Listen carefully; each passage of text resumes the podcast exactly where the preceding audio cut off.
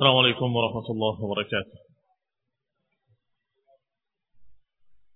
إن الحمد لله نحمده ونستعينه ونستغفره ونعوذ بالله من شرور أنفسنا ومن سيئات أعمالنا من يهده الله فلا مضل له ومن يضلل فلا هادي له وأشهد أن لا إله إلا الله وحده لا شريك له وأشهد أن محمدا عبده ورسوله.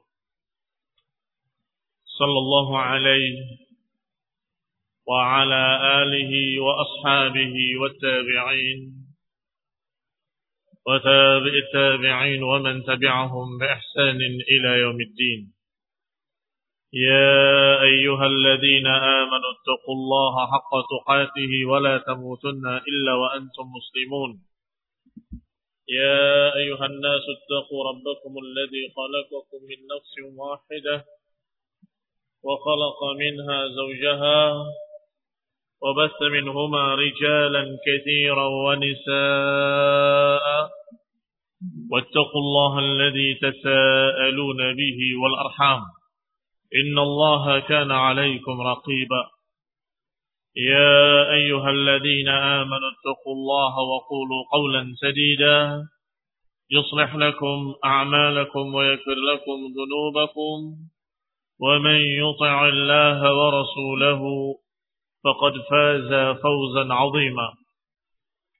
أما بعد فإن خير الحديث كتاب الله. وخير الهدي هدي محمد صلى الله عليه وعلى آله وسلم. وشر الأمور محدثاتها فإن كل محدثة بدعة وكل بدعة ضلالة وكل ضلالة في النار. إخواني في الدين أعزكم الله كمسلمين يا سهرمتي Kita lanjutkan kajian kitab Syarah Al-Aqidah At-Tahawiyah. Yang matanya oleh Abu Ja'far At-Tahawi dan disyarah oleh Ibn Abdul Izz Al-Hanafi rahimahullah. Dan sampai kita pada poin berikutnya dari hikmah-hikmah ditakdirkannya beberapa perkara-perkara yang zahirnya dikatakan syar. Seperti penciptaan iblis atau ditakdirkannya kedoliman-kedoliman, ditakdirkannya musibah-musibah, atau ditakdirkannya adanya orang-orang kafir, penentang agama, musuh-musuh Allah Subhanahu wa taala. Semua itu memiliki hikmah. Yang sudah kita baca satu persatu sampai pada poin yang dikatakan oleh Asy-Syarih rahimahullah. Wa minha husulul ubudiyah al-mutanawwi'ah allati laula khalq iblis lamma hasalat. Di antara hikmahnya adalah terjadinya bentuk-bentuk peribadatan yang bermacam-macam yang kalau tidak diciptakan iblis nggak akan terjadi ibadah-ibadah tersebut. Fa inna ubudiyatal jihad karena sungguhnya sebagai contoh peribadatan dalam bentuk jihad min ahabbi anwa'il ubudiyah ilaihi subhanahu. Jihad fisabilillah merupakan setinggi-tinggi ibadah kepada Allah Subhanahu wa taala. Bahkan ahab yang paling dicintai dari ibadah adalah jihad fisabilillah. Walau kana an-nas kulluhum mu'minin, namun kalau manusia seluruhnya beriman, tidak ada iblis dan tidak ada yang mengajak mereka untuk kufur menjadi kafir, maka enggak ada jihad. Walau kana an-nas kulluhum mu'minin la ta'attalat hadhihi al-'ubudiyyah. Kalau manusia seluruhnya beriman, la ta'attalat hadhihi al-'ubudiyyah, akan hilang peribadatan jihad ini. Wa tawabi'uha dan juga akan hilang yang berkait dengan jihad. Apa itu? Al-muwalah minal muwalati lillahi subhanahu wa ta'ala wal mu'adat fi. Yang berkaitan dengan jihad adalah al-wala wal bara. Al-wala perwalian, kecintaan, kesetiaan, loyalitas kepada Allah Subhanahu wa taala dan sebaliknya kebencian, permusuhan kepada yang memusuhi Allah Subhanahu wa taala. Orang-orang kafir, musyrikin. bahkan ini dikatakan a'la darajat al-iman. Dikatakan setinggi-tinggi ural iman al-hubbu billah wal bughdhu billah. Setinggi-tinggi urat keimanan adalah cinta karena Allah dan benci karena Allah. Baik cinta karena Allahnya terhadap mukmini. Benci karena Allah kepada siapa? Orang-orang kafir. Tapi kalau nggak ada iblis, nggak ada orang kafir. Kalau nggak ada orang kafir, terus bagaimana al-wala wal bara'nya? Bagaimana hubbillah wal billah? Kalau hubbillah bisa dilakukan, yaitu cinta kepada orang beriman, cinta pada Allah dan Rasulnya. Tapi sekarang al-bughdu billah, benci karena Allah, benci pada siapa? Nggak ada. Nggak ada orang kafir, nggak ada orang yang perlu dibenci. Ini khairuddin azakumullah padahal Nabi menyatakan setinggi-tinggi ural iman al-hubbu billah wal bughdu billah setinggi-tinggi urat keimanan adalah cinta karena Allah dan benci karena Allah Subhanahu wa ubudiyatul amr bil ma'ruf wan nahi 'anil munkar. Demikian pula peribadatan dalam bentuk beramar ma'ruf bernahi munkar. Wa ubudiyatus sabr dan ibadah dalam bentuk kesabaran. Wa mukhalafatul hawa ibadah dalam menahan hawa nafsu wa itharu mahabbillahi ta'ala wa ubudiyatut taubah dan juga ubudiyah dalam bentuk ithar mahabbillah ibadah dalam bentuk mementingkan apa yang disukai oleh Allah. Kalau seluruhnya disukai oleh Allah maka apakah orang ini mendapatkan keutamaan? Kalau memilih yang ini tidak memilih yang itu, semuanya baik. Tetapi dikatakan ibadah yang mulia, amar ma'ruf nahi munkar karena ada kemunkaran, sehingga ada nahi munkar. Kamu berdakwah mengingatkan jangan berbuat seperti itu karena terjadi kejelekan. Maka ada amar ma'ruf, ada nahi munkar. Demikian pula ada kesabaran. Ibadah tinggi pula bahkan dikatakan al-iman, as-sabr minal iman kamanzilatir ra'si minal jasad. Kepala dikaitkan dengan iman, uh, sabar dikaitkan dengan iman, itu seperti kepala dikaitkan dengan badan. Ya, ini bagaimana pentingnya kepala pada tubuh manusia. Kalau dipisahkan kepalanya, nggak ada kepalanya, maka manusia tadi hanya onggokan daging yang nggak ada faedahnya sama sekali. Iya kan? Demikian pula sabar Ala la imanam man la sabra lahu. Kata Ali bin Abi Thalib radhiyallahu taala anhu. Setelah menyatakan bahwa kedudukan sabar pada iman seperti kedudukan kepala pada jasad, maka beliau menyatakan ala ketahuilah la imana liman la sabra lahu. Enggak ada keimanan bagi orang yang tidak punya kesabaran. Ini nukil dalam kitab Fathul Majid. Berarti sabar adalah perkara yang terpenting pada keimanan. Toib sabar pada apa? Sabar terhadap apa kalau nggak ada kekafiran, nggak ada yang memusuhi kamu, nggak ada yang menyakiti kamu, nggak ada yang mencerca, nggak ada yang menghina, nggak ada yang berbuat berbagai macam kejelekan-kejelekan. Sabar terhadap apa? Lihat. Berarti memang Allah takdirkan beberapa kejelekan-kejelekan, keburukan-keburukan pada zatnya dia buruk. Pada zatnya dia adalah jelek. Tetapi di balik itu ada perkara besar. Adanya ujian bagi manusia. Apakah sabar atau tidak sabar? Adanya ujian pada mereka orang-orang yang beriman menghadapi pengganggu-pengganggu. Al-munafiqin perbuatan mereka adalah yu'zun al-mu'min al-mu'minin. Menyakiti orang-orang beriman. dicercalah, dilecehkan, dihinakan. Bagaimana sikap mukmin? Sabar. Yani idza marru bihi marru kirama.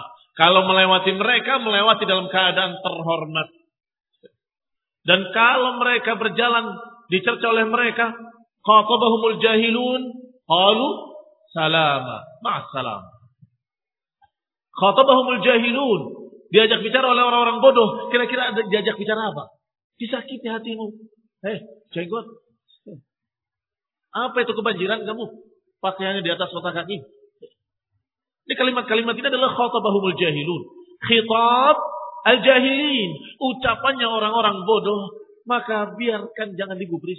Sabar. Sabar menghadapi ocehan-ocehan mereka. Anjing menggonggong. Kafilah tetap berlalu. Gak perlu peduli dengan anjing yang menggonggong. Ngapain? Ngurusi anjing. muslimin yang saya hormat. Dikatakan di sini bahwasanya as-sabr juga ubudiyah, peribadatan. Yang kalau nggak ada kejelekan, maka nggak ada urusan sabar. Semua orang bisa sabar karena nggak ada godaan, nggak ada gangguan, nggak ada yang menyakiti dan seterusnya dan seterusnya. Padahal Allah Subhanahu wa taala menciptakan manusia dalam keadaan berbeda-beda, ada yang baik, ada yang jelek, adalah Allah jadikan sebagai fitnah. Waja'alna ba'dahum li ba'din fitnatan atasbirun. Allah jadikan sebagian mereka terhadap sebagian yang lain sebagai ujian. Atasbirun, apakah mau sabar? Sebagian manusia terhadap manusia yang lainnya. Ini bandel. Ini kurang ajar. Ini baik. Ini jelek. Kalian diuji dengan berbagai macam jenis manusia. Untuk apa? Diuji kesabaran. Sabar atau tidak sabar menghadapi mereka. Ikhwan ibn a'azakumullah. Wa kadzalika mukhalafatul hawa.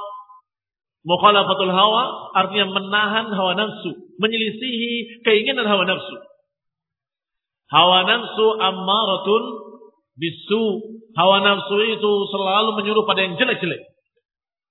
Dari mana kira-kira dia pengen perkara-perkara jelek tadi kalau nggak ada wujudnya di alam nyata? Kalau Allah tidak takdirkan kejelekan di alam nyata ini, bagaimana mungkin dia kepingin? Iya kan? Munculnya hawa nafsu kepingin ketika melihat orang-orang kafir kok bebas ya. Bebas bergaul, bebas berzina, bebas minum khamr, bebas. Maka muncul hawa nafsu. Mengatakan enak ya. Maka Allah Subhanahu wa taala menyatakan la yaghurranna. La yaghurna kataqallubul ladzina kafaru fil bilad mata'un qalilun Summa ma'wahu jahannam. La yaghurrannak, jangan menipu kamu, jangan melalikan kamu taqallubul ladzina kafaru bil bilad. Berbolak-baliknya orang kafir di negeri mereka. Jangan kalian terpengaruh. Jangan kalian kepingin. Itu mata'un qalilun. Itu adalah kenikmatan sesaat. Tetapi mawahum jahannam. Tempat mereka nanti jahannam khalidina biha. Berarti kenapa dia memiliki ibadah besar dalam hatinya yaitu menahan hawa nafsu? Karena melihat orang-orang kafir yang memuaskan hawa nafsu mereka. Muncul keinginan, tapi dibantah oleh dia, ditahan oleh dia dengan menekannya. Tidak. Ini juga ibadah azimah. Ibadah yang sangat besar. Yang berikutnya kata beliau, wa itar mahabbillah taala wa ubudiyatut taubah wal istighfar. Dan peribadatan dalam bentuk taubat. Dan peribadatan dalam bentuk istighfar. Taubat dari apa? Kalau nggak pernah punya salah. Istighfar dari apa? Kalau dia nggak pernah keliru atau nggak pernah kurang Sempurna terus. Wa ubudiyatul isti'adah billahi atau ibadah dalam bentuk isti'adah. Ibadah dalam bentuk meminta perlindungan kepada Allah. A'udzu billah. Baik. Allah perintahkan berapa kali dalam Al-Qur'an? Qul a'udzu birabbil falaq, qul a'udzu birabbin nas. Fasta'id billah. Fasta'id billah, berlindunglah pada Allah. Qul a'udzu billah, katakan aku berlindung pada Allah. Semua itu perintah-perintah agar kita berlindung pada Allah SWT. Ya Allah, aku minta perlindungan kepadamu. Dari apa kalau kejelekan itu nggak ada? Berlindung dari apa kalau syaitan nggak ada? Berlindung dari apa kalau iblis nggak ada? Ini juga hikmah yang sangat azim. Hikmah azimah, hikmah yang sangat besar, yaitu tegaknya ibadah dalam bentuk isti'anah billah. Ayyujirahu min aduih. Meminta perlindungan agar dia selamat dari musuhnya. Dari musuh Allah. Wa yasimuhu min kaidihi wa adahu. Dan agar dirinya selamat dengan perlindungan Allah dari tipu daya syaitan dan dari gangguan-gangguan syaitan. Ila ghairi dhalika minal hikami allati tu'jizul uqul an idrakiha. Dan lain-lainnya dari hikmah-hikmah yang sangat besar yang akal-akal kita nggak mampu untuk menghitungnya seluruhnya. Mungkin sebagian kita ada yang berkata ini sudah tiga, tiga kali pertemuan masih ini terus yang dibahas. Hikmah, hikmah, hikmah, hikmah. Kata beliau itu masih kurang. Masih banyak lagi yang akal kita nggak sanggup menghitung seluruhnya. Hikmah-hikmah, kenapa Allah ciptakan iblis? Kenapa Allah takdirkan munculnya orang sejenis Abu Talib dalam keadaan masuk Islam tidak, tetapi dia membela. Ditakdirkan pula munculnya orang-orang yang naudzubillah syaitan ala jusmanil insi. Syaitan di dalam tubuh-tubuh manusia. Yani manusia itu selongsongannya saja isinya syaitan. Itu terjadi. Sebagaimana hadis Rasulullah SAW bahwa nanti akan datang umara qulubuhum qulubu syayatin ala jutmanil ins yang hatinya hati-hati syaitan di dalam tubuh-tubuh manusia. Allah takdirkan manusia-manusia model seperti itu, pemimpin-pemimpin seperti itu. Untuk apa? Untuk tegaknya itu semua tadi. Adanya orang berlindung kepada Allah, a'udzubika ya Rabb, dari orang yang seperti ini, na'udzubillah.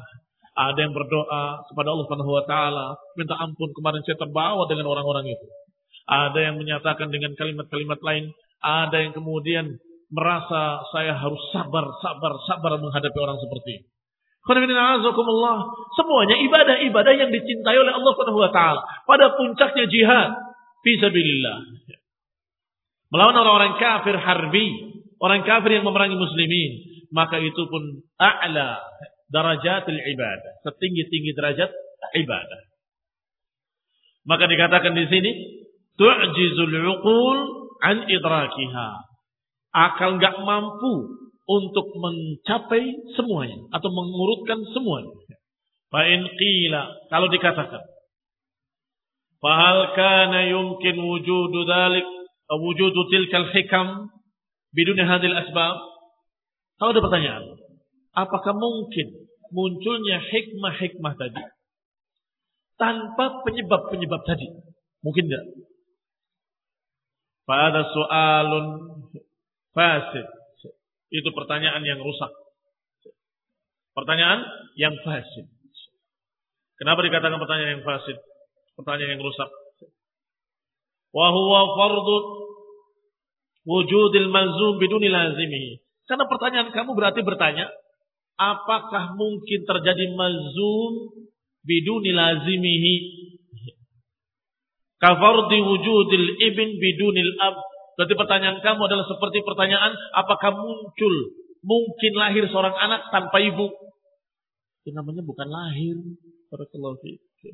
Mungkinkah ada seorang anak gelajak tanpa bapak tanpa ibu? Itu pertanyaan fasid. Pertanyaan orang yang sungguh gairu akil, tidak berakal.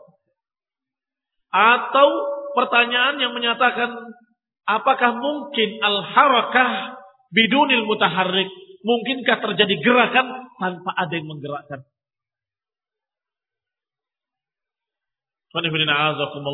Atau mungkinkah terjadi taubat tanpa ada yang bertaubat?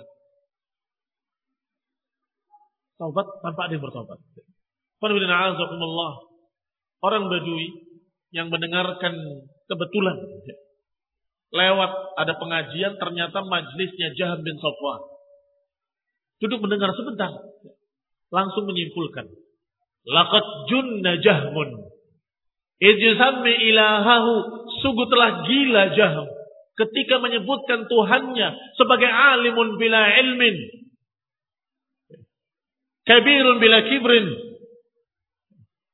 Sungguh gila jahm. Yang menyatakan Allah itu berilmu tanpa ilmu. Gak ada ilmunya. Berilmu tapi tanpa ilmu.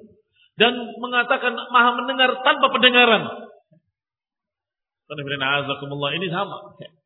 Junanya, majnunnya orang tadi sama. Apakah mungkin terjadi uh, ucapan tanpa ada yang mengucapkan? Ya, ya bukan ucapan namanya. Atau mungkinkah terjadi taubat tanpa ada yang bertaubat? Ya nggak mungkin. Lakot junna. Sungguh. Lakot junna jahmun kata orang Badui tadi. Jahm bin Safwan telah gila ketika menyatakan dengan kalimat-kalimat yang seperti itu. Fain qila idza kanat hadhil asbab muradah lima taqtadi ilaihi min al-hikami fa takunu mardiyah mahbubah min hadzal wajh kalau memang perkara-perkara tadi yang merupakan sebab-sebab adanya ibadah-ibadah mulia kalau ternyata hikmah-hikmah itu yang Allah kehendaki, bukankah berarti perkara tadi diridhoi? Ini pertanyaannya dibolak-balik sama si penanya. Dan biasanya ini orang-orang yang nanya seperti ini orang-orang ahli filsafat, ahli kalam, ahli mantik. Tetapi Ibn Abdul Aziz Al-Hanafi menjawab dengan tuntas sehingga mereka betul-betul bungkam nggak bisa menjawab. Kata mereka, Bagaimana? Kalau tadi perkara-perkara jelek tadi, ternyata melahirkan hikmah-hikmah yang bagus. Berarti perkara tadi diridhoi oleh Allah. Karena memiliki hikmah yang banyak. Bagaimana? Amhiya masfuta min jamil wujuh. Atau perkara tadi dibenci oleh Allah dari segala sisinya. Termasuk menjadi sebab adanya hikmah-hikmah itu pun dibenci oleh Allah. Pertanyaan yang sifatnya dibikin bingung orang yang mas'ul yang ditanya. Kalau menyatakan iya diridhoi, berarti kejelekan tadi diridhoi. Masa ada kejelekan diridhoi? Kalau katakan tidak, Allah benci semuanya itu. Berarti benci pula tentang sifat dia memberikan hikmah-hikmah. Tetapi Alhamdulillah Ibn Abdul Aziz Hanafi menjawabnya dengan satu persatu perlahan-lahan. Qila, kata beliau. Dikatakan. Ada soal yuraddu ala wajhain. Pertanyaan ini perlu dibantah, perlu dijawab tuntas dari dua sisi. Ahaduhuma min jihati Rabbi Ta'ala. Wa hal yakunu muhibban laha min jihati ifqaiha ila mahbubihi wa in kana yubghiduha lidatiha. Wa thani min jihati al-'abdi. Wa huwa annahu hal yasughu lahu ridha biha min tilkal jiha aidan fa hadha su'al lahu sya'nun. Pertama, dari sisi Rabb Ta'ala subhanahu wa ta'ala. Apakah Allah subhanahu wa ta'ala menyukai kejelekan-kejelekan tadi dari sisi bahwa kejelekan-kejelekan tadi menyebabkan atau mengantarkan untuk terjadinya ibadah-ibadah yang baik. Apakah berarti Allah mencintai? Wa in kana walaupun Allah benci pada zat kejelekan tadi tapi tetap Allah takdirkan kalau Allah mencintainya dari sisi lain. Apakah seperti itu? Yang pertama, nanti akan diterangkan lebih detail. Yang kedua dari sisi hamba. Wa hal annahu yasughur ridha biha. Apakah para hamba ini boleh untuk meridhoi kejelekan tadi? Apakah para hamba ini boleh untuk meridhoi kejelekan-kejelekan tadi dengan alasan melahirkan kebaikan? Ustaz, ini ada maling Ustaz, ada santri yang begini, begini, begini. Gak apa-apa. Kalau nggak ada maling nanti nggak ada polisi. Kayak ucapannya Aagim. Ya. Yang pernah saya dengar. Apakah boleh berbicara seperti itu? Ya nggak apa-apa. Kalau nggak ada maling nanti ada polisi. Udahlah, biarkan yang satu maling yang satu jadi polisi. Ini dibahas satu persatu. Fa'lam kata Imam Aziz Al-Hanafi, ketahuilah anna syarra kulluhu yarji' ila al-adami. Ketahuilah bahwa yang namanya kejelekan-kejelekan itu kembalinya kepada perkara adam. Adam itu ketiadaan atau ketidakadaan. Apa maksudnya ketiadaan? Ketiadaan kebaikan padanya. Maka dia jadi jelek. Ini ada kebaikannya, bagus. Ini nggak ada kebaikannya, jelek. Iya kan? Wasbabul mufdiyah ilaih. Dan juga nggak ada sebab-sebab yang membawa kebaikan. Itu baru dikatakan syar. Wa huwa min hadhil jihah syarrun. Maka dari sisi ini perkara tadi dikatakan jelek. Wa amma min jihati wujuduhul mahdu fala syarra fihi. Adapun keberadaannya hanya pada keberadaannya maka itu bukanlah kejelekan. Jangan pegang kepala dulu. Teruskan dulu. Misal. Bil misal yattadihul maqal. Bil misal yattadih al maqal. Dengan contoh akan jadi jelas ucapan. Misal contohnya anna nufus syirrirah wujuduha khairun min haitsu hiya mawjudah. Sekarang nufus, jiwa-jiwa yang syirrir, jiwa yang jelek. Keberadaannya dalam sisi keberadaannya dia baik. Harus ada memang. Iya kan? Pakai nanya kenapa apa enggak? Kalau dengarkan yang tadi beberapa menit yang lalu enggak akan nanya. Keberadaan kejelekan itu penting. Iya kan? Supaya adanya amar ma'ruf, nahi munkar, adanya perjuangan, adanya jihad, adanya nasihat dan seterusnya. Keberadaannya dikatakan khair. Wa inna ma hasala syarr tetapi terjadinya syar padanya biqat imadatil khairi anha karena padanya enggak ada kebaikan. Tidak memberikan kebaikan. Fa innaha khuliqat fil asli mutaharrikah karena yang namanya jiwa manusia diciptakan oleh Allah selalu dalam keadaan bergerak dan berkeinginan. Makanya nama yang paling wajar kalau Ahabul Asma yang paling disukai oleh Allah Taala Abdullah dan Abdul Rahman. Tetapi ada nama yang Asdaqul Asma. Apa di antaranya? Harith wa Hammam kata Nabi. Sebaik-baik nama Abdullah dan Abdurrahman dan sejujur-jujur nama adalah Harith wa Hammam. Karena dua-duanya adalah sifat seluruh manusia. Harith berupaya, Hammam berkeinginan. Mesti setiap manusia punya keinginan, punya usaha. Saya ingin begini, usaha. Saya ingin itu, usaha. Itu manusia. Yang normal. Bahkan yang tidak normal alias gila pun sama kok. Korek-korek di sampah cari makanan. Berarti punya ham. Punya enggak? Punya ham. Dan punya hir. Ya, berusaha, berusaha. Maka itu jujur. Kalau dinamakan hari Hammam, itu asdaqul asma. Sejujur-jujur nama. Tapi kembali pada perkara ini. Berarti semua jiwa manusia bergerak. Fa'in u'inat bil ilmi wa ilhamil khair taharrakat bih. Kalau jiwa yang bergerak tadi dikasih ilham, kasih ilmu, dikasih nasihat-nasihat dari Allah, kalau Rasul, maka gerakannya kepada kebaikan. Wa in turikat, kalau dibiarkan tanpa dibimbing dengan ilmu, tanpa dibimbing dengan nasihat-nasihat ayat dan hadis, taharrakat. Dia akan bergerak pula. Tapi bergeraknya dengan kejelekan-kejelekan. Bit'abi'iha. Dengan tabiatnya. Ila khilafi. Menyelisihi kebaikan. Baik, sekarang pertanyaannya. Benda bisa bergerak. Bagus apa enggak bagus? Bagus. Kalau enggak bisa bergerak, itu yang kurang. Maka benda mati dengan benda hidup lebih mulia benda hidup. Kenapa? Punya harakah. Tetapi sayang, ketika tidak diberi ilmu, harokannya kepada yang jelek-jelek. Gerakannya kepada yang jelek-jelek.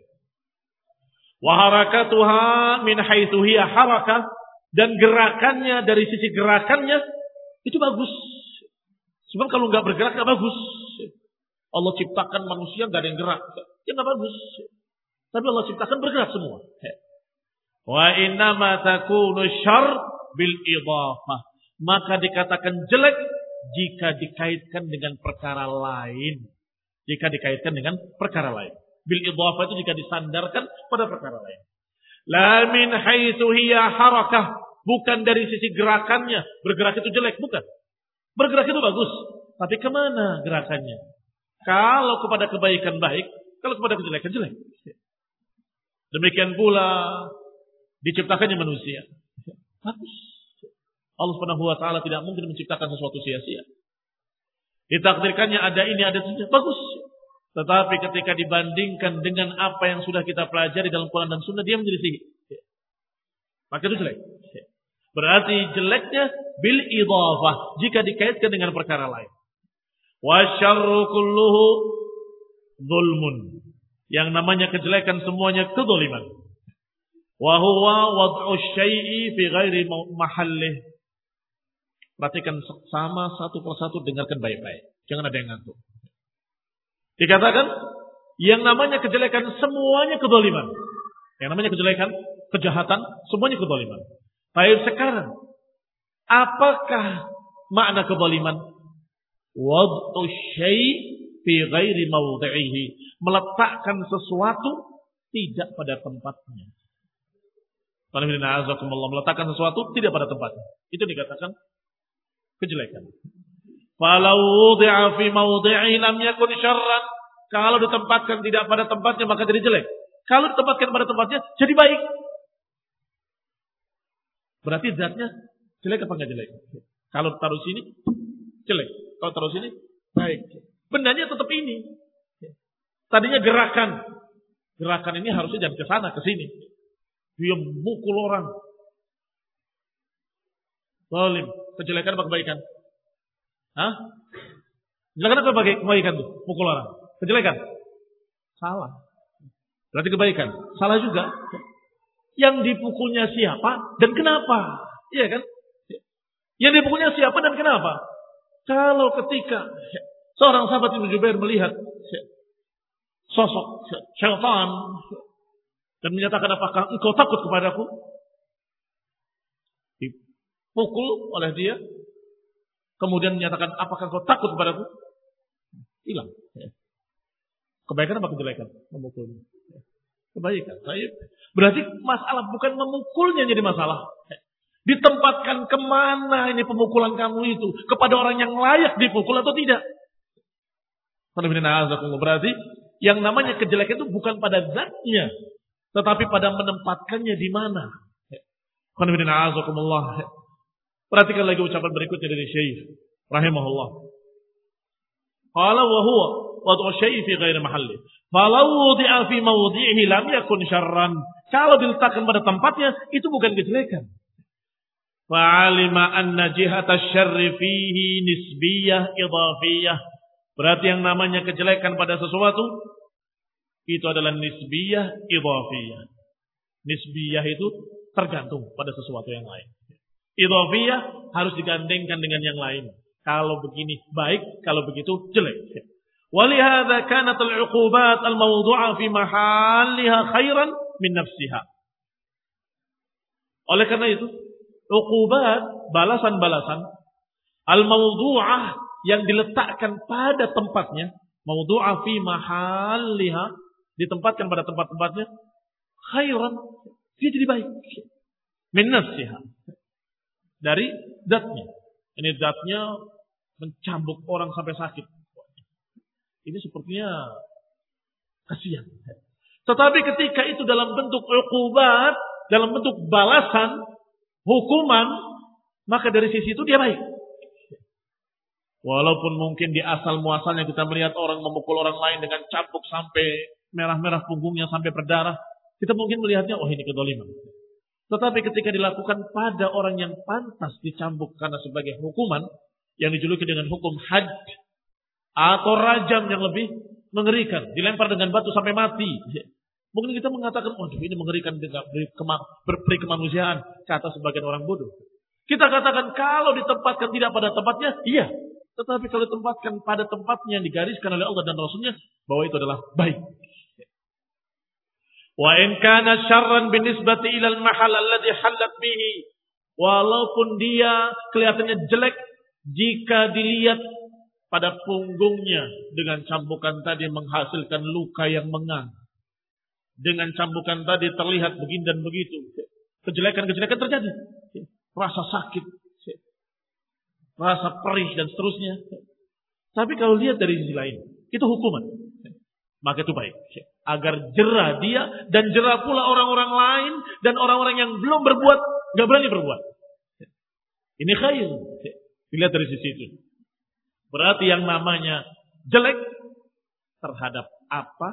Terhadap siapa? Nah, harus ada pembandingnya dan harus ada idhafahnya. Nisbiyun idhafi. Lima ahdathat fihi minal alam alladhi kanat at-tabi'ah qabilah li Kenapa dikatakan kalau dibandingkan kalau dilihat dengan badan yang dicampuk tadi jelek? Karena dia mewujudkan sesuatu.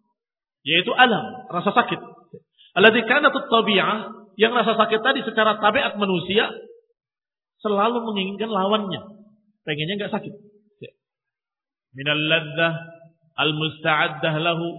Seperti kelezatan, kenikmatan yang dipersiapkan untuknya. Itu diinginkan oleh manusia. Tapi ternyata yang terjadi kejelekan. yakni punggung yang dicambuk. Baik, dari sisi itu dikatakan jelek. Fasara dzalikal alam syarran binisbati ilaiha, maka cambukan tadi, rasa sakit yang disebabkan oleh cambukan tadi merupakan syar, merupakan kejelekan pada badannya, kejelekan pada tubuhnya. Wa huwa khairun binisbati ilal fa'il.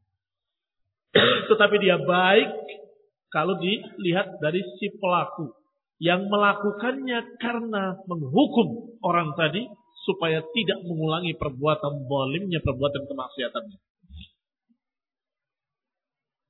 Haitsu wada'ahu fi mawdi'ihi. Karena orang tadi meletakkan pada tempatnya. Fa innahu subhanahu lam yakhluq syarran mahdan. Karena Allah Subhanahu wa taala tidak menciptakan kejelekan murni. Tidak. Yani kejelekan murni min jami'il wujuh wal i'tibarat Allah tidak menciptakan kejelekan yang murni hanya kejelekan dari semua sisinya. Dari semua sandarannya tidak. Allah selalu menciptakan dalam keadaan kalau terhadap ini jelek, tapi terhadap ini baik. Selalu ciptakan seperti itu. Fa inna hikmatahu ta'badalik. Karena hikmah Allah Subhanahu wa taala bertentangan dengan itu. Ini tidak mungkin Allah yang maha hikmah menciptakan kejelekan yang murni kejelekan dari segala sisinya. Tidak mungkin. Pasti ada sisi baiknya. Fala yumkin fi janabil haqqi ta'ala an yurida syai'an yakunu fasadan min kulli wajhin. Maka tidak mungkin dari sisi Allah Subhanahu wa taala menginginkan sesuatu yang hanya fasadan min kulli wajhin. Yang hanya kerusakan, kejelekan dari segala sisi. La maslahata fi khalqih. Yang tidak ada maslahat kebaikan pada makhluknya. Biwajhin ma. Dari sisi apa pun. Hada min abyanil muhal. Ini adalah dari sejelas-jelas kemustahilan. Abyan sejelas-jelas. Al-muhal kemustahilan. Sejelas-jelas kemustahilan. Apa dalilnya? Sangat banyak dalilnya. Di antaranya ucapan Allah Subhanahu wa taala dalam Al-Qur'an yang mengungkapkan tentang ucapan orang beriman kepada Allah, "Rabbana ma khalaqta hadza batila subhanaka faqina adzaban nar." Ya Allah, Engkau tidak ciptakan ini sia-sia. Apa maknanya? Allah ciptakan semua yang terjadi, semua yang ditakdirkan, semua makhluk. Bukan begitu saja diciptakan batilah, sia-sia. Tetapi mesti ada hikmah, mesti ada sisi baiknya. Paham? Ya. Qala fa inna fa innahu subhanahu biyadihil khairi kulli. Karena Allah Subhanahu wa taala di tangannya lah segala kebaikan. Maka tidak mungkin menciptakan kejelekan yang murni kejelekan dari segala sisinya kejelekan. Tidak mungkin. Dalam zikir yang diajarkan kita mengatakan kepada Allah Subhanahu wa taala biyadikal khair. Innaka ala kulli syai'in qadir. Ayat yang dianjurkan untuk dibaca pagi dan sore. Disebutkan di sana dengan kalimat biyadikal khair di akhir.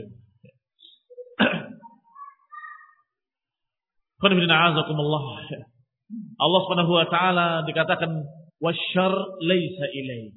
Kejelekan tidak kepada Allah taala. Wasyar laisa ilai. Kejelekan bukan kepada Engkau menciptakan kebaikan-kebaikan. Tetapi manusia itu menempatkan tidak pada tempatnya jadi jelek. Baik. Bal ma ilaihi fa khair. Maka apa yang digandengkan kepada Allah, apa yang dinisbatkan kepada Allah, apa yang ditakdirkan oleh Allah semuanya baik. Semuanya baik. Wa syar innama hasala li'adami hadil idafah wa nisbah ilaih. Dan kejelekan ketika terjadi kejelekan itu ketika terjadinya pemutusan kekaitannya dengan keterkaitannya dengan Allah Subhanahu wa taala. Tidak digunakan sesuai dengan perintah Allah, jadi jelek tidak ditempatkan sebagaimana Allah perintahkan, jadi jelek. Walau kana ilaihi lam yakun syarran. Kalau kepada Allah tidak syar. Ini perbuatan. Jelek. Siapa yang melakukan si fulan? Maka kalau kepada si fulan, kita katakan kamu berbuat jelek. Tapi kalau kepada Allah, kenapa kau si fulan ditakdirkan berbuat jelek? Baik atau jelek? Baik. Kalau dikaitkan kepada Allah, baik. Karena Allah menciptakan orang ini jadi seperti itu jeleknya, supaya yang lain mengingatkan. Supaya yang lain menegurnya. Supaya amar ma'ruf nahi munkar. Supaya menasehati. Supaya kamu sabar. Ujian buat kamu. Ini semua hikmah-hikmah yang banyak dari Allah Subhanahu Wa Taala ketika Allah menakdirkan perbuatan tersebut. Maka nisbiyun binisbat man. Nisbiyun dibandingkan dengan siapa? Kau dikaitkan dengan orang tadi, orang itu berbuat jelek. Jangan pakai putar-putar. Tapi memang kejelekan itu begini. Gak usah dibahas detail-detail. Jangan bikin bingung orang. Kamu berbuat jahat, selesai. Kamu berbuat dosa, kamu berbuat maksiat. Tub ilallah, bertawad pada Allah Subhanahu wa taala. Enggak perlu pakai rincian-rincian seperti ini panjangnya berapa lembar enggak usah. Tetapi kalau dikaitkan dengan Allah, apakah itu takdir Allah? Iya. Berarti Allah menakdirkan kejelekan. Tiga. Allah menakdirkan perkara-perkara yang penuh hikmah. Kadang kami tahu, kadang kita tidak tahu. Hikmah-hikmahnya apa? Wallahu Pasti, pasti, pasti, pasti Allah menciptakan sesuatu dan menakdirkan sesuatu, pasti ada kebaikan. Maka istilah orang Arab, kulsi fi salih. Kulsi fi. Segala sesuatu terjadi, mesti ada kebaikannya di balik itu. Allah takdirkan, pasti ada hikmah. Maka kalimat-kalimat tadi dalam zikir-zikir disebutkan wasyar laisa ilaik dan kejelekan tidak dikaitkan kepada engkau ya Allah. Engkau tidak pernah berbuat jelek. Semuanya baik. Atau kalimat wa kullu ma ilaihi fa khair. Semua yang dinisbatkan kepada Allah pasti baik. Biyadikal khair. Di tanganmu lah segala kebaikan. Kulillah. Malikal mulki tu'til mulka man tasha wa tanzil mulka mimman tasha wa tu'izzu man tasha wa tudhillu man biyadikal khair. Katakan, Allah lah malikul mulk. Memberikan kerajaan kekuasaan pada siapa yang dikehendakinya. Mencabut dari siapa yang dikehendakinya. Allah memuliakan siapa yang dikehendakinya. Dan Allah menjatuhkan, menghinakan siapa yang dikehendakinya. Biyadikal khair.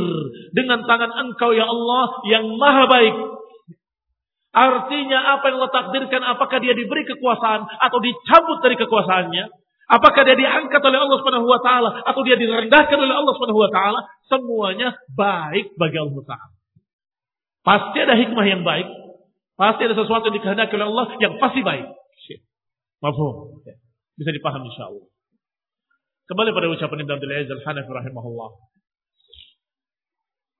Fa'in qila lima tanqati' atau masih ada tersisa? Kalau kana ilaihi lam yakun syarran. Kalau dikaitkan kepada Allah, maka itu bukan jelek. Kalau dinisbatkan kepada hamba tadi, hamba tadi berbuat jelek. Tapi ketika dikaitkan dengan takdir, maka Allah tidak menakdirkan kejelekan. Allah menakdirkan semua hikmah-hikmah. Fata'ammalhu. Maka perhatikanlah. Fanqita'u nisbatihi ilaihi walladhi sayyarahu syarran. Maka keterputusan atau putusnya keterkaitan. Putusnya keterkaitan dengan Allah itu yang menyebabkan jadi jelek. Apakah syar'i ataupun qadari? Kalau terputus jadi jelek. Apa yang syar'i? Terputus dengan kehendak Allah secara syariat. Allah katakan haram, dia kerjakan. Jadi jelek.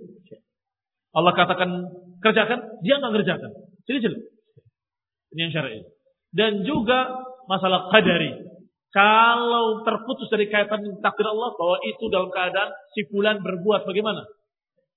Kita nggak bicara tentang takdir Allah, maka kita katakan itu perbuatan jelek. Tapi ketika dikatakan berarti Allah menakdirkan kejelekan atau Allah e, berbuat jelek, karena itu kan takdir Allah. Tidak. Kalau dikaitkan dengan Allah secara kadar, kita katakan semua yang ditakdirkan pasti baik. Karena ada hikmah-hikmah yang Allah kehendaki yang pasti, pasti, pasti, pasti baik. Ini makna biadikal khair. Ini makna wasyar laisa ilaik. Kejelekan tidak kembali kepadamu ya Allah. Fa'in qila tanqati' nisbatuhu ila ilaihi khalqan. Wa masyi'ah. Qila huwa min hadhihi al-jiha laisa bishar. Kalau dikatakan. Lima tanqati' nisbatuhu ilaihi khalqan wa masyi'ah. Bagaimana terputusnya nisbat kepada Allah Subhanahu wa taala secara penciptaan, secara takdir. Qila huwa min hadhihi al-jihah laisa bishar. Itu dari sisi tersebut tidak dikatakan jelek. Apa yang Allah takdirkan. Fa inna wujuduhu huwal mansub ilaihi wa huwa min hadhil jihah laisa bisyarrin.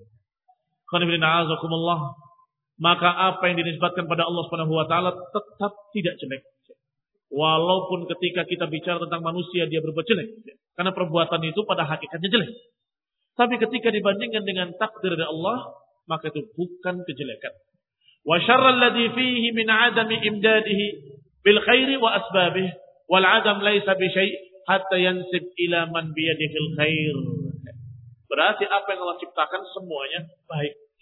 Ini kekuatan baik dia bisa bergerak baik, dia bisa memukul baik, dia bisa membunuh baik, dia bisa berbicara baik, dia bisa mengucapkan kalimat-kalimat tadi, kalimat ini, kalimat itu baik, bahkan dia bisa mengucapkan kalimat ya, anjing ya, baik. Ya apa ya? Tapi ketika mengucapkan anjing untuk mencerca, maka itu adalah sesuatu yang jelek. Orang itu berbuat jelek. Tetapi ketika dia menyatakan apa itu anjing, bukan jelek.